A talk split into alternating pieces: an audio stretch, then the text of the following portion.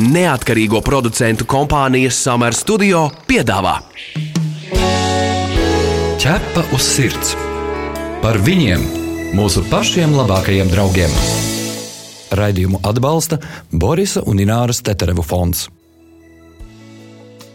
Labdien, labdien! Klāt ir atkal piekdiena un raidījums ķepa uz sirds. Mani sauc Inese Kreitsberga. Mani sauc Magnus Eriņš. Un par ko tad mēs šodien runāsim? Mēs runāsim par kaķiem. Nu, un ir viena tāda aktuāla lieta, par kuru viedoklis teju ir ikvienam. Vai kaķim ir jāstaigā, kur pašam patīk? Tas nozīmē ārpus mājas, vai tomēr tas ir bīstami? Un tad ir tā, ka ir ļoti daudz cilvēku, kas vēlas savu kaķi vest pavadā, jo ir izdomājuši, ka kaķim tā patīk. Un tad gluži kā suņi, viņi tā kā paklausīgi tecēs līdzi. Vai tā būs, par to pārliecināsieties paši, bet ar ko ir jārēķinās, ja jūs savam murrātājam ļausiet staigāt, kur pašam tīk? Par to šodien diskutēsim ar kaķu ekspertu Ivo Obrumani. Sveicināti, Ivo! Labdien! Ivo ir meinkūna audzētājs un arī dzīvnieku frizieris. Cik ilgi jau esat meinkūna audzētājs? No, februārī būs jau desmit gadi, kā Nu, nodarbojos ar šie šķirni. Kaķu eksperts ar lielu stāžu. Bet tagad paklausīsimies mūsu kolēģis Jānis Vitoļņas sagatavoto sižetu. Ķepa uz sirds skaidro faktus. Mans kaķis staigā tikai pavadā, jo iela ir ļoti tuvu, tā ir drošāk. Mani kaķi dzīvo tikai dzīvoklī. Mēģināju vest pavadā pastaigāties, bet bija bail. Tagad pie katras izdevības miņķa mēģina izskriet kāpņu telpā, tāpēc ļoti jāuzmanās. Savu kaķi izlaidu ārā, un tagad viņš nenāk mājās jau divas dienas. Pirms tam dzīvojām laukos, kur viņš bija pieradis dzīvot ārā. Pilsētas dzīvoklī nevarēja pierast dzīvot tikai iekštelpās, tāpēc palaidu laukā. Ceru, ka atgriezīsies. Ja nevienam nav divu domu, ka vismaz divas reizes dienā ir jāved staigzināt suns, tad visi ķepa uz sirds uzrunātie kaķu saimnieki atzīst, ka gan katram mincim, gan katram viņa saimniekam pret pastaigām ir sava individuāla attieksme. Zinta Miezaine pirms pārvākšanās uz dzīvi privātmājā dzīvojusi dzīvoklī. Kaķis ārā nav laists. Kad pašiem bijis savs pagalms, gribējies, lai privātmājas priekšrocības izmanto arī četrkājainais mīlulis. Vispirms saimniece Minku iepazīstinājusi ar apkārtni, vedot saitītē. Pirmkārt, viņš vispār nekur negribēja iet. Viņš tikai pieplaka pie zemes un, un tad ļoti lēnām pamazām gar mājas sienu. Tā kā apgāja mājai apkārt, bet nu savā ritmā, nevis tā kā es viņu gribētu tur kaut kur vest. Tā kā staidzināšana pie pavadas kaķim nekādu prieku nesniedza, saimniece uzdrošinājās palaist savu acu pagalmā bez tās. Pat negāja līdz sētai. Viņš nesās lielā ātrumā no mājas līdz kokam, piemēram, kur ir tā nākamais tāds patvērums. Viņš baidījās tādā atklātā dabas laukumā uzturēties. Nu jā, un tad Iet, vienā dienā sadomāja, ka viņš izlīdīs caur drāšu rogu mežā. Tad es biju rīktīgi nobijusies, es viņu visādi tur saucu, bet es jau neko tur neredzu, tur tā džungļi gandrīz. Un, un nu, viņš nenāca, tad es izdomāju, ka es izlikšos, ka es neuztraucos un, un dzēru kafiju turpat pagalmā. Tad viņš kaut kā atnāca pēc kaut kāda laika. Ja Zinta ir iepraktizējusies mīluli mājās sasaukt čabinot kaķu pārtikas iepakojumu, tad Lauras ezeras kaķis pats diktē savus noteikumus, kad viņš ies staigāt, bet kad nāks mājās. vienā mirklī bija tā, kaut kā, ka viņš izprasījās ārā pa logu. Un uh, palods bija gan augsts, pirmais augstais stāvs. Un, protams, tā lieta tika atrisināta, ka, ja jau kaķis ir un viņš grib iet ārā, tad viņam vajadzīgs ir trepītis, speciālās kaķa trepītis. Kopš tās reizes mūsu kaķis principā māca mūs pakļauties viņa staigāšanas režīmam. Jo tas ir tāds interesants dzīvnieks. Viņš neļaus saimniekam valdīt pār to, kad viņš grib iet ārā. Jo tas eh, rēciens un ņaudiens ir tik liels, ka četros naktīs arī esmu cēlusies, lai viņa augstību izlaistu ārā. Kaķis parasti sagaida saimnieci pārodamies mājās no darba, tad ietur dzīvoklī maltīti, nedaudz atpūšas un atkal dodas laukā. Laura atzīst, ka viņas astoņus gadus vecais mīlulis ir vairāk ārā nekā mājas kaķis. Protams, izņemot to laiku, kad ir ārā augsts, tad viņš nāk mājās. Un tad es saku, ka ir gājputni un ir arī gājkaķi. Par to, ka apkārt staigājot kaķim var kas nelāks atgadīties, Laura ir uztraukusies tikai pirmajā gadā. Laikam ar laiku pierod pie šīs briesmu situācijas, ja, un tu vairs neuzsaucies, jo liekas, ka dzīvnieks pats ir gudrs. Man šķiet, ka dzīvnieki ir gudrāki nekā mēs cilvēki vispār spējam to aptvert. Dzīvnieku uzvedības eksperts Alberts Čipuštānovs uzsver, ka kaķa palaišanai brīvsolī ir savi plusi un savi mīnusi. Ja šie mājdzīvnieki staigā patstāvīgi, viņiem ikdiena būs daudz interesantāka. Viņi var medīt, pētīt un apmierināt citas savas vajadzības. Kaķim būs gan fiziska, gan mentāla slodze. Bet eh, nedrīkst aizmirst par to, ka apkārt mašīnās, un tur arī var būt visādi negatīvi. Tā ir skaitā arī slimības, kuras uh, viņš var atnest, kontaktēties uh, ar citiem kakiem.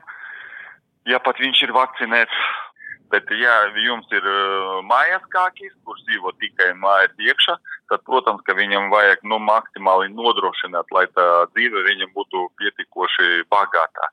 Ar visādiem pārdzīvojumiem, un, uh, ar spēlēšanu, ar medīšanu un visu pārējo. Lai arī gan Zintas, gan Lauras kaķi viens vairāk, viens mazāk dzīvojas ārā, saimnieces labprāt vēlētos, lai arī savas dabiskās vajadzības mīluļi nokārtotu brīvā dabā. Tomēr toleti viņa apmeklē mājās, stāsta Laura Ezera. Citreiz ir tā, ka viņš visu dienu ir ārā, un tad viņš atnāk mājās, un tad viņš atstāja mājās tieši to kastītē, ko viņš varēja pa dienu arī atstāt ārā. Alberts Čipuštānovs kaķu vēlēšanos iet uz toleti nevis laukā, bet mājās, vēl jau vairāk tad, ja sākumā viņi bijuši izteikti mājas kaķi, skaidro ar murrātāju dabu. Kaķi, principā tāpat kā suņi, viņi arī ir pierod pie kaut kādām konkrētām vietām, kur nokārtoties. Un tur viņi jūtas nu, daudz drošāk nekā, ja viņi ja viņam nav tās iespējas un viņam nāksies nokārtoties kaut kādā cita vietā. Protams, kaķi mēdz savā izpausmēs būt ļoti individuāli, tomēr dzīvnieku uzvedības eksperts uzskata, jo ilgāku laiku kaķi pavada ārā, jo retāk viņi nokārto dabiskās vajadzības mājās savā kastītē. Ķepa uz sirds - jautā ekspertam. Daudz ir dzirdēts par cilvēkiem, kuri saka, ka man bērnībā laukos bija daudz kaķu, viens, otrs, trešais, ceturtais, bet beig beigās faktiski tas jau nozīmē, ka tiem kaķiem ir bijis īsts dzīves ilgums. Viņi ir vai nu nogalināti mežā, piemēram, vai sabraukti, vai kā. Tad beig beigās tā traģiska sajūta, traģiska situācija. Ne? Nu, jā, tā arī bija agrāk, bet es cik zinu no, no savām lauku saknēm un teiksim, no mm, cilvēkiem apkārt, ka laukos jau kaķis vairāk ir tāds tā kā nevis maidzīvnieks, bet vairāk tā kā nepieciešama lieta, kas noķer peles. Tur, teiksim, nu, pats par sevi eksistē, teiksim, tā par viņu neviens tā īsti nerūpējās. Un, ja arī viņš tur tiek aiznests ar lapsu, nu, tad tas ir tāds dabisks process, kurš notiek un tas ir bijis normāli. Tad, uh, tagad mūsdienās, protams, par to vairāk domā un aizdomājās, un ka tas dzīvnieks kļūst vairāk par tādu maidzīvnieku dzīvnieku par tādu ģimenes locekli. Un, nu, tur bija viņa mainījusies arī tā, tā, tā domāšana cilvēkam. Nu jā, nu, tomēr mūsu raidījums ir par tiem, kam dzīvnieks ir ģimenes loceklis, nevis peļu junkurs vai tāds, kurš ķēdē iekārtas sargā būdu. Bet um, kādi ir galvenie riski, ja mēs ļaujam kaķim staigāt ārpus mājas, ja tā ir pilsēta un tie ir lauki? Pilsētā vairāk izprot šo bīstamību, bet nu, laukos tiešām reti. Varbūt paņemam tā pēc kārtas, kas ir tie bīstamie faktori. Nu, bīstamie faktori pilsētā ir tas, kad ir uh, mašīnas, autotransports pirmām kārtām, otrām kārtām, uh, ja tiek um, teiksim, pagrabos indētas žurka spēles, uh, kaķis var saēsties žurku indi. Un tas ir viens no tādiem biežākajiem iemesliem, kāpēc kaķis aiziet bojā. Tad otrs ir vēl moments, tas, ka, ja kādam tas dzīvnieks var iepatikties, viņu var arī nozagt, viņu var arī no, nu, kāds aiznest uz savām mājām. Uh, Tas ir tādi no, no galvenajiem tādiem iemesliem. Nu, laukos dzīvojošiem kaķiem tas ir vairāk autotransports nav tik svarīgi, bet tur ir atkal meža dzīvnieku problēma. Tas, ka meža dzīvnieks labs, kas medī un kaķus medī arī. Kaķus? Jā, protams, viņi, jo viņi ir mazāk par lapsām, un ja lapsām tiešām nav ko ēst, tad viņas arī nu, ķer to, kas ir tuvākais. Un... Skrējienā ar lapsu kaķis zaudē. Jā, bet labs ir viltīgāk un gudrāk. Un, un, un, un tomēr, ja ir šķirnes, teiksim, tāda kā menkūna, kas ir lielās šķirnes, no kuras labs var teiksim, pa, nu, baidīties, tad tā, tādi parastie peļu junkuri, kā mēs saucam, tie lauku kaķīši, viņi jau nav tik lieli kā menkūna, un viņi jau ir uz pusi mazāk kā labs, un lapsām jau tas ir kā, nu, parasts darbiņš. Ivo, vai var arī uzskaitīt vēl kādus uh, riskus, kas pastāv lauku kaķiem? Lapsas ir viens, bet gan jau ir vēl kādi dzīvnieki. Nu, lapsas, nu, vilki tagad nav manīti, jā, bet, nu, es pat nezinu, kas vēl pamaina dzīvniekiem. Nu, riski laukos ir vairāk tādi, ka, nu, tie meža dzīvnieki tomēr. Nu, bet pagaidi, piemēram, tas kaķis aizstaigā uz kaimiņu māju, nu, tur taču suns var būt priekšā, kas nu, viņu jā, nokož. jā. Ā, Protams, jā, arī tad suns, kaimiņu, nu, teiksim, ja ir tuvākie kaimiņi, tad viņš aiziet uz tuvāko lauku māju, un tur ir suns, kurš var nokost svešu kaķi, kurš nezina. Un, kā, un tie suņa laukos ļoti bieži nepieskatīti staigā, jeb vazājas apkārt, un tur jau čiks un viss. Nu, jā, jā, tā arī notiek. Ja, kaķi, ja suns nav pieredzējis pie kaķa, tad, protams, viņš to kaķi ķers. Nu, Magnus, tev pašam ir pieredze ar kaķi, kurš bija izlaists it kā staigāties, bet beigās tu viņu izglābi. Jā, tā bija taisnība. Kaķim bija dota zaļā gaisma pārvietoties pa pilsētu. Savā vien zināmā virzienā, un tad, kad principā kaķis vēlas. Un, jā, redzot to, kas notiek apkārt, es nevarēju to tā atstāt, un es kaķi paturēju sev. Jo rēķināsim, ka tas bija centrs, jā, Matīsa, Čaka ielas, tas Jā. taču ir dzīva satiksme. Plus tas kaķis bija arī redzēts vairāk kārt tur. un man- Nama pārvaldnieks nezināja, kuram šis kaķis pieder, tāpēc es pieņēmu lēmumu šo kaķi jā, paņemt no ielas un mēģināt atrast īpašnieku. Mm. Bet jautājums ir, kā tev liekas, vai tas kaķis, kā viņš bija mēģinājis, nu nezinu, izvairīties no šīm mašīnām, vai viņam bija tie instinkti, vai viņš bija tāds diezgan bezbailīgs. Man šķiet, Žanis bija diezgan bezbailīgs. Viņam nebija bail no cilvēka. Es zinu, ka apkārt bija kaķu kolonija. Viņš brīvi arī staigāja tur uh, pa pagalmu. Tur apkārt arī suņi. Viņam nebija pārāk liela baila. Jo, kāpēc es to jautāju? Drīzāk domāju, ka, piemēram, šķirnes kaķis vai kādā gadījumā bez šķirnes kaķis, kurš istabā dzīvojas visu laiku, vai viņš vispār saprot, kā ārējā vide var būt bīstama. Jo mēs reiz glābām vienu persijas kaķi, kuru gan arī nobrauca auto, jo viņu kāds bija izmetis ārā šo kaķi. Kaķis vienkārši gulēja uz braucamās daļas, nesaprotot, ka tas ir bīstami. Tāpēc, kad kaķim ir tāds tā apstulbums no tā, kur viņš atrodas dotajā brīdī, ja viņš nekad nav bijis ārā, tad viņš no, nokļūstot ārā, viņam ir mi- milzīgs šoks, un tāpēc viņš no tā viņš nesaprot, kur viņš atrodas. Viņš var aptūties ceļa vidū, pieplakt un tā arī gulēt, kamēr nenotiks nelaime. Un um, ārā parasti kas ir uzauguši kaķēni, kas izauguši ārā vidē, viņiem ir savādāka tā uztvere par to āru. Tātad tas ir šoks, vai tie varbūt ir kaut kāds instinktu trūkums? Nē, tas nebūtu instinkta trūkums. Tas ir vienkārši bailes, izteiktas bailes no svešas teritorijas, no svešas apkārtnes un par to, ka viņš nesaprot, kur viņš ir nokļuvis un kas ir apkārt vispār, kas notiek. Labi. Tas ir arī, principā, arī savu veidu izdzīvošanas uh, instinkts. Labi, bet mums ir bijuši vairāki kaķi, kurus mēs esam filmējuši ķepā uz sirds, kuri tika atrasti izmesti mežā. Viņi bija gulējuši uz sedziņas, uz kuras tika atstāti, izbadējušies, novārguši. Vai tad nav tā, ja būtu attīstītāks instinkts, tad viņš, viņš tad tas kaķis būtu devies medīt, cīnīties par izdzīvošanu, bet viņš guļ uz tās sedziņas, kur viņu ir atstājis saimnieks mežā. Nu, jā, viņam ir tādas ļoti lielas bailes, nu, kad viņš kaut kādas pāris dienas ne, neiet no tās vietiņas projām, kur viņš ir atstāts. Ļoti bieži tā, ka arī mājās paņemot kaķi, svešu kaķi, viņš var divas dienas, divas, trīs dienas pagulēt zem gultas apakšā, kamēr viņš pamazām sāks nākt ārā un sapratīs, ka viņam vajag ēst, ka viņam vajag toleti, ka viņam tās bailes ir lielākas par tiem izdzīvošanas, teiksim, ēšanas un dzeršanas instinktiem. Un, tāpēc mežā viņš arī ir mēģinājis tas kaķis noteikti gulēt tik ilgi, cik ir iespējams, cik ir fizioloģiski atļauj neiet uz toleti un, un nedzert, kad saprast, ka varbūt kaut kas mainīsies, varbūt ka viņi tomēr paņems un ka viņam nebūs jāiet uz to svešo teritoriju, kur viņam ir nekas nesaprotams. Tu esi mans draugs, ķepus sirds. Vai ir, piemēram, tādi šķirnes kaķi vai kaķi, kuri tā kā vairāk ir, nu, nezinu, tāds mākslinieks predisponēti, vai, teiksim, vairāk viņiem ir piemērota tā dzīvošana ārpus? Nu, piemēram, meinkūni kā šķirne, viņi, par viņiem taču zināms, ka viņi tomēr ir, viņos ir vairāk tā kaķa un mežonīgā, varbūt kaķa gēna, Jā, jā. varbūt ir gluži otrādi persijas kaķis, kuram varbūt tik saplacināts deguns, ka viņš ārā vispār neko nevar saost. Nu, jā, visas aborigēnās šķirnes, aborigēnās šķirnes, tās ir tās dabīgās šķirnes, kas ir mežā, izaug, meža kaķi, kas ir auguši. Tie ir menkūni, Norvēģijas meža kaķi, tie ir ā, kurilijas bobtēli. Uh, Sibīrijas kaķi tie ir tie, kas vā, nu, dabīgās šķirnes, kas ir dzīvojušas mežā mm, pašas par sevi. Tās arī ir tās, kas ir uh, piemērotākas dzīvošanai ārā. Protams, nebūs piemērots ārā dzīvošanai sfinks viennozīmīgi, jo mūsu klimatiskos apstākļos tas uh, sfinksam tas nav iespējams, jo sfinks nosals un aizies bojā, mm, ja tas būs rudens vai ziema vai pavasars. Nu, jā, tā pa lielam tās ir jāskatās dabīgās šķirnes. Ja tas ir bezšķirnes kaķis, tad ir jāskatās par to, no kāda ir izcelsme tam bezšķirnes kaķim. Ja viņš nāk no laukiem, tad, protams, ģenētiski viņš jau būs pieredzējis jau pie tās saknes. Viņam ir nākuši no tā, ka tie kaķi iepriekšējie visas paudzes dzīvojuši ārā. Un tad jau tā būs mocīšana turēt viņu tikai iekšā.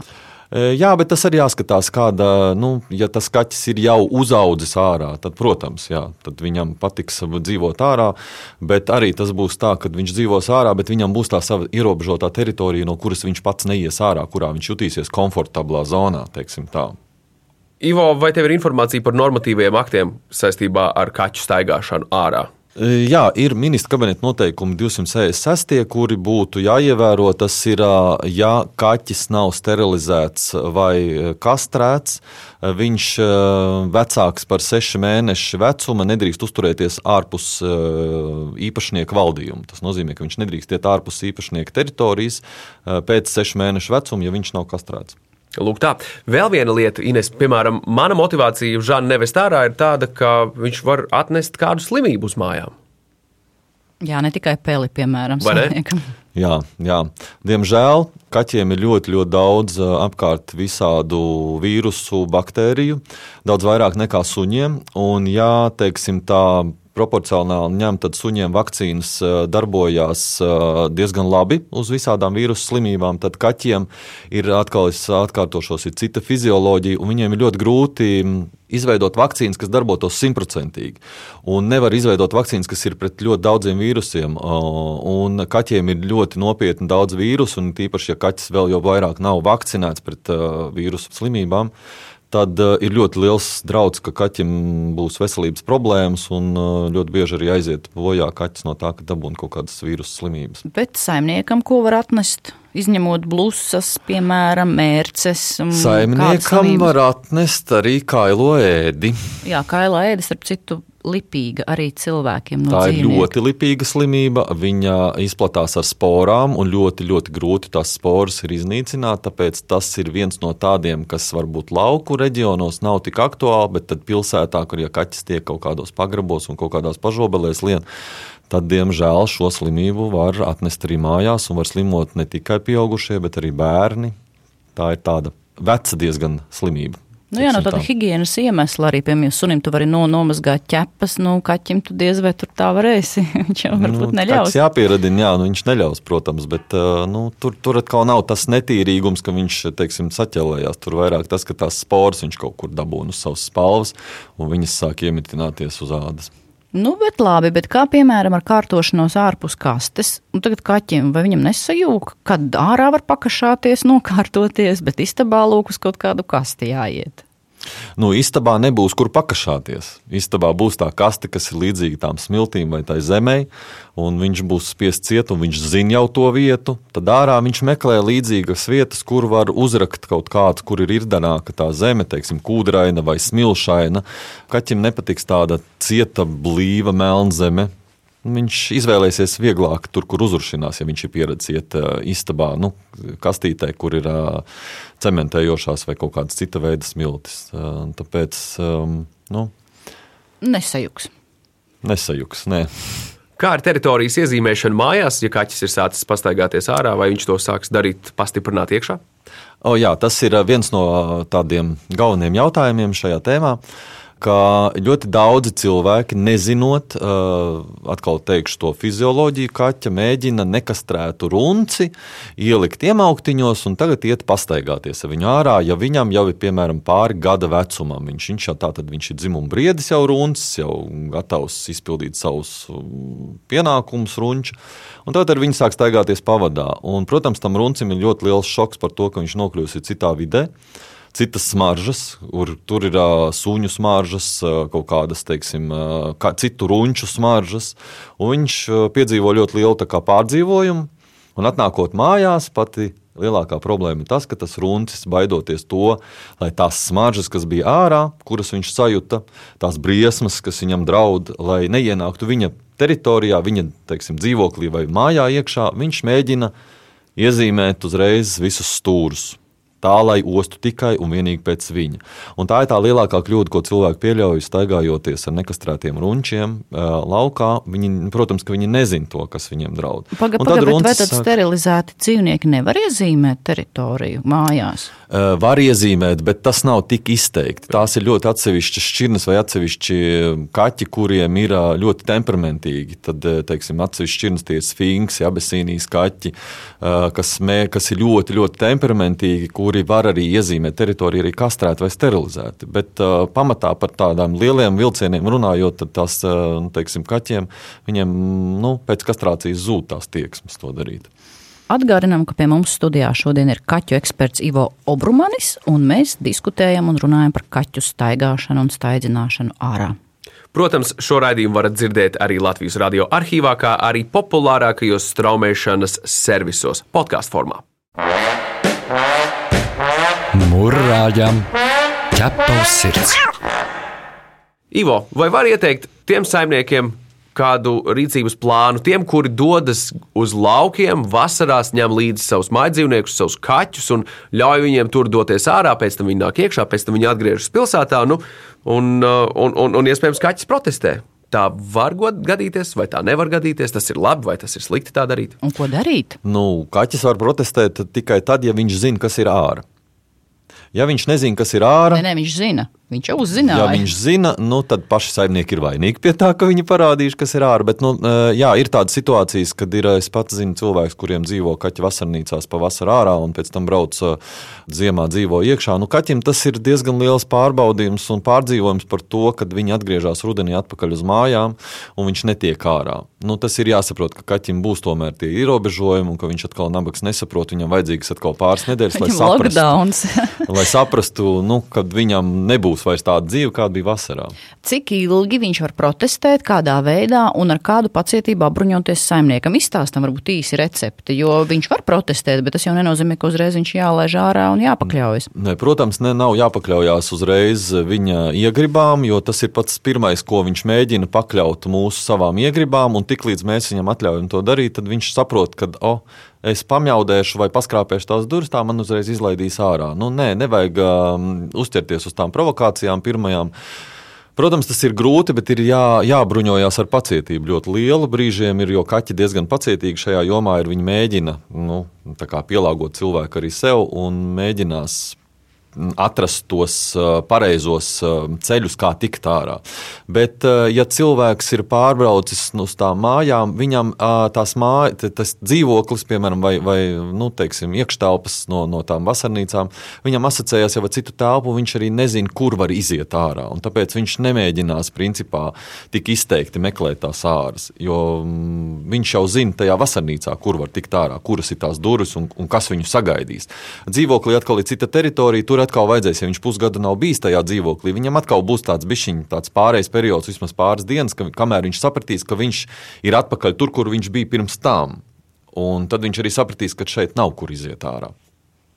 Visticamāk, ka klausītāji daudzi vai daži šo klausoties pie sevis nodomā, kas, kas jums vainas īstam kaķim taču ir jāstaigā ārā. Kā jūs to komentētu? Nu, nav jāstaigā ārā. Tas ir mans komentārs. Es saku, tas ir uh, katra cilvēka brīva izvēle, protams, bet uh, nu, kaķis ir stingrs teritorijas dzīvnieks. Un kamēr viņš nezina, kas ir ārpus viņa teritorijas iekštelpā, viņš nekad neuzzinās, ja cilvēks to nesāks mēģināt viņam parādīt. Tātad pats cilvēks pie tā būs vainīgs, ja kaķis gribēs lausties ārā un gribēs dzīvot ārā. Tātad mēs esam atbildīgi par to, ko mēs esam pieredzinājuši arī. Un tad tāds interesants moments, ka ir tādi saimnieki, kuriem kaķis neatnāk mājās pat vairākas dienas. Viņiem tas liekas, nu, ok, nu, nezinu, mums tas ir dīvaini, bet nu, ir cilvēki, kuriem varbūt nav svarīgi, kur nakšņos viņu mājnieki. Bet kur tad tas kaķis varētu būt tās vairākas dienas, ja viņš nav mājās? Nu, viņš var klejot. Teiksim, ļoti bīstami ir tas, ja runcis ir nekastrēts un izlaists ārā, tad runcis viennozīmīgi meklēs un ies ārpus eh, teritorijas uz teritoriju, meklējot tās kaķenes, ar kurām viņš gribētu sapāroties. Un viņam jau iz, eh, nu, izjūgtā laika izjūta, teritorijas izjūta, viņš iet un iet, jo viņam ir instinkti vairoties, un viņš meklē tos, meklēs to savu dāmu, ar ko savā, nu, turpināt savu dzimtu. Un viņš var aizklejot ļoti tālu, un tad ir vajadzīgs laiks, kamēr viņš atklejot atkal atpakaļ. Bet uh, tie dzīvnieki, kas ir sterilizēti, nu, viņi varbūt kaut ko medī.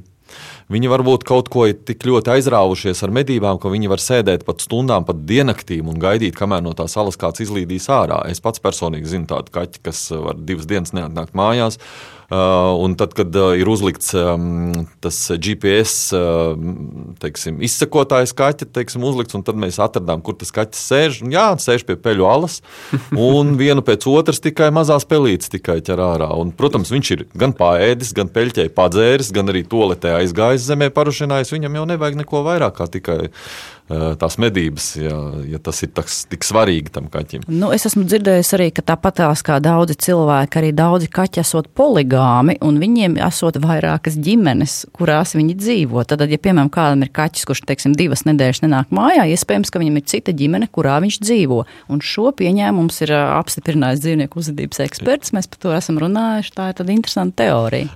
Nu, bet tad kaķis staidzinātu pavadā, tā ir saimnieka vai kaķa iegriba? Ir modes lieta tagad.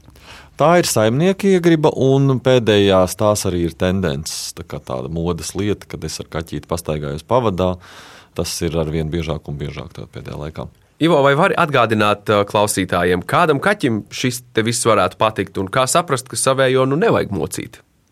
Tas viss var patikt kaķim, tas, kurš ir nācis no laukiem, nu, laukos dzimis, laukos uzaudzis, vai arī pilsētā nu, teiksim, izglābts kaķēns, kas ir kaut kur atrasts uz ielas.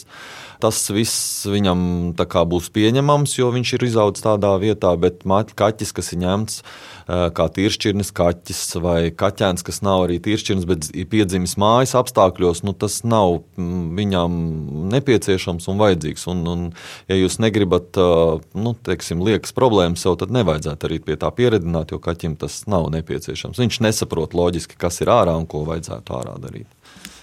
Nu jā, ja to dara, tas jādara noteikti pakāpeniski, bet nu jājūt, vai kaķis tomēr nu, to vēlas, vai ne, jo dabiski tas nav, cik es sapratu. Tas nav dabiski, jā, un ir kaķi, kurus arī nevarēs nekad iemācīt ārā iet, jo viņam ir paniskas bailes no tā, kas ir ārā, un visu, un viņš nekad, viņš jutīsies komfortabli telpās, un tik līdz būs ārā, tā viss būs panika un, un, un, un, un šausmas, un tas pats arī ir izstāžu kaķi, kuri tiek vest uz izstādēm, nu viņam nepatīk tās izstādes, un tās izstādes ir katru mēnesi, bet viņš vienalga 3-4 gadu laikā kā katru mēnesi viņš nav pieredzējis pie tām izstādēm. Nu, neko nevar ar viņu izdarīt. Nu, viņš ir istabas kaķis un viss, viņš komfortabli jūtās savos desmit kvadrātmetros. Tāda ir specifika kaķim, tāda, tāda tā fizioloģija viņam. Nu, tad mums tāds uh, standarta jautājums ir, uh, ja jums būtu iespēja šobrīd pateikt cilvēkiem, ko viņi iespējams nezina par kaķiem, bet viņiem vajadzētu zināt, ko jūs teiktu. Nu, es nezinu, varbūt cilvēks, kam kaķis staigā ārā, nu, nevar iedomāties, ka viņam vajag žetoniņu ar telefonu numuru pielikt. Varbūt vēl kaut kas tāds izmanto, izmanto brīdi. Jā, protams, tad, tad, ja kaķis iet ārā, tad vajadzētu uzlikt arī siksniņu, bet ir kaķiem speciāls siksniņš jāliek, jo kaķis nevar staigāt suņu siksniņās, jo kaķi lien caur žogiem, kokiem, un viņi var aizķerties aiz tās siksniņas, un viņi var pakārties. Kaķiem jābūt tādai siksnijai, kas brīvi atverās vaļā, ja viņam ir tāds piespiedu piespied kaut kāda aizķeršanās kaut kur aiz tās siksniņas. Jābūt noteikti žetoniņam klāt. Nu, protams, vislabāk jau būtu, ja dzīvnieks būtu čipēts, viņam būtu mikročips un, un tas kaķis būtu reģistrēts arī LDC bāzē, kur, ja kaķis ir pazudis vai kāds viņu ir atradis, tad aiziet pie vetārsta, var čipu noskanēt un ļoti ātri un viegli var atrast īpašnieku, un viņam viņu var sazvanīt un atrast rokā un kaķi nogādāt atstāt savā mājā. Tas būtu tāds ieteikums tiem, tiem kas eh, nu, laiž kaķīšus ārā, staigāt brīvā dabā. Nu, ko mums daudz, daudz vielas pārdomām, arī tiem, kam kaķi staigā apkārt, tiem, kam nestaigā, aicinām nodarbināt kaķus mājās, lai viņiem nav garlaicīgi. Paldies mūsu viesim! Mums studijā šodien bija Ivo Brumanis, kaķu frizieris un meinkūnu audzētājs. Paldies, Ivo! Jā, lūdzu! Visur kopā! ķepus sirds. Nākamajā raidījumā mēs runāsim par agresīviem suņiem.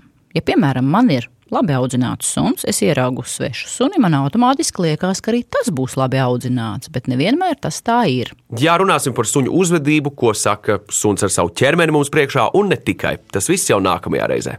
Savukārt šoreiz tas ir arī viss. Mani sauc Magnus Eriņš. Mani sauc Inese Kreitsberga. Raidījumu veidoja neatkarīgo producentu kompānija Summer Studio. Visu labu! Atā! Ķepa uz sirds! Informatīvi izglītojoši raidījums par dzīvnieku pasauli un cilvēkiem tajā. Raidījumu atbalsta Borisa un Ināras Teterevu fonds.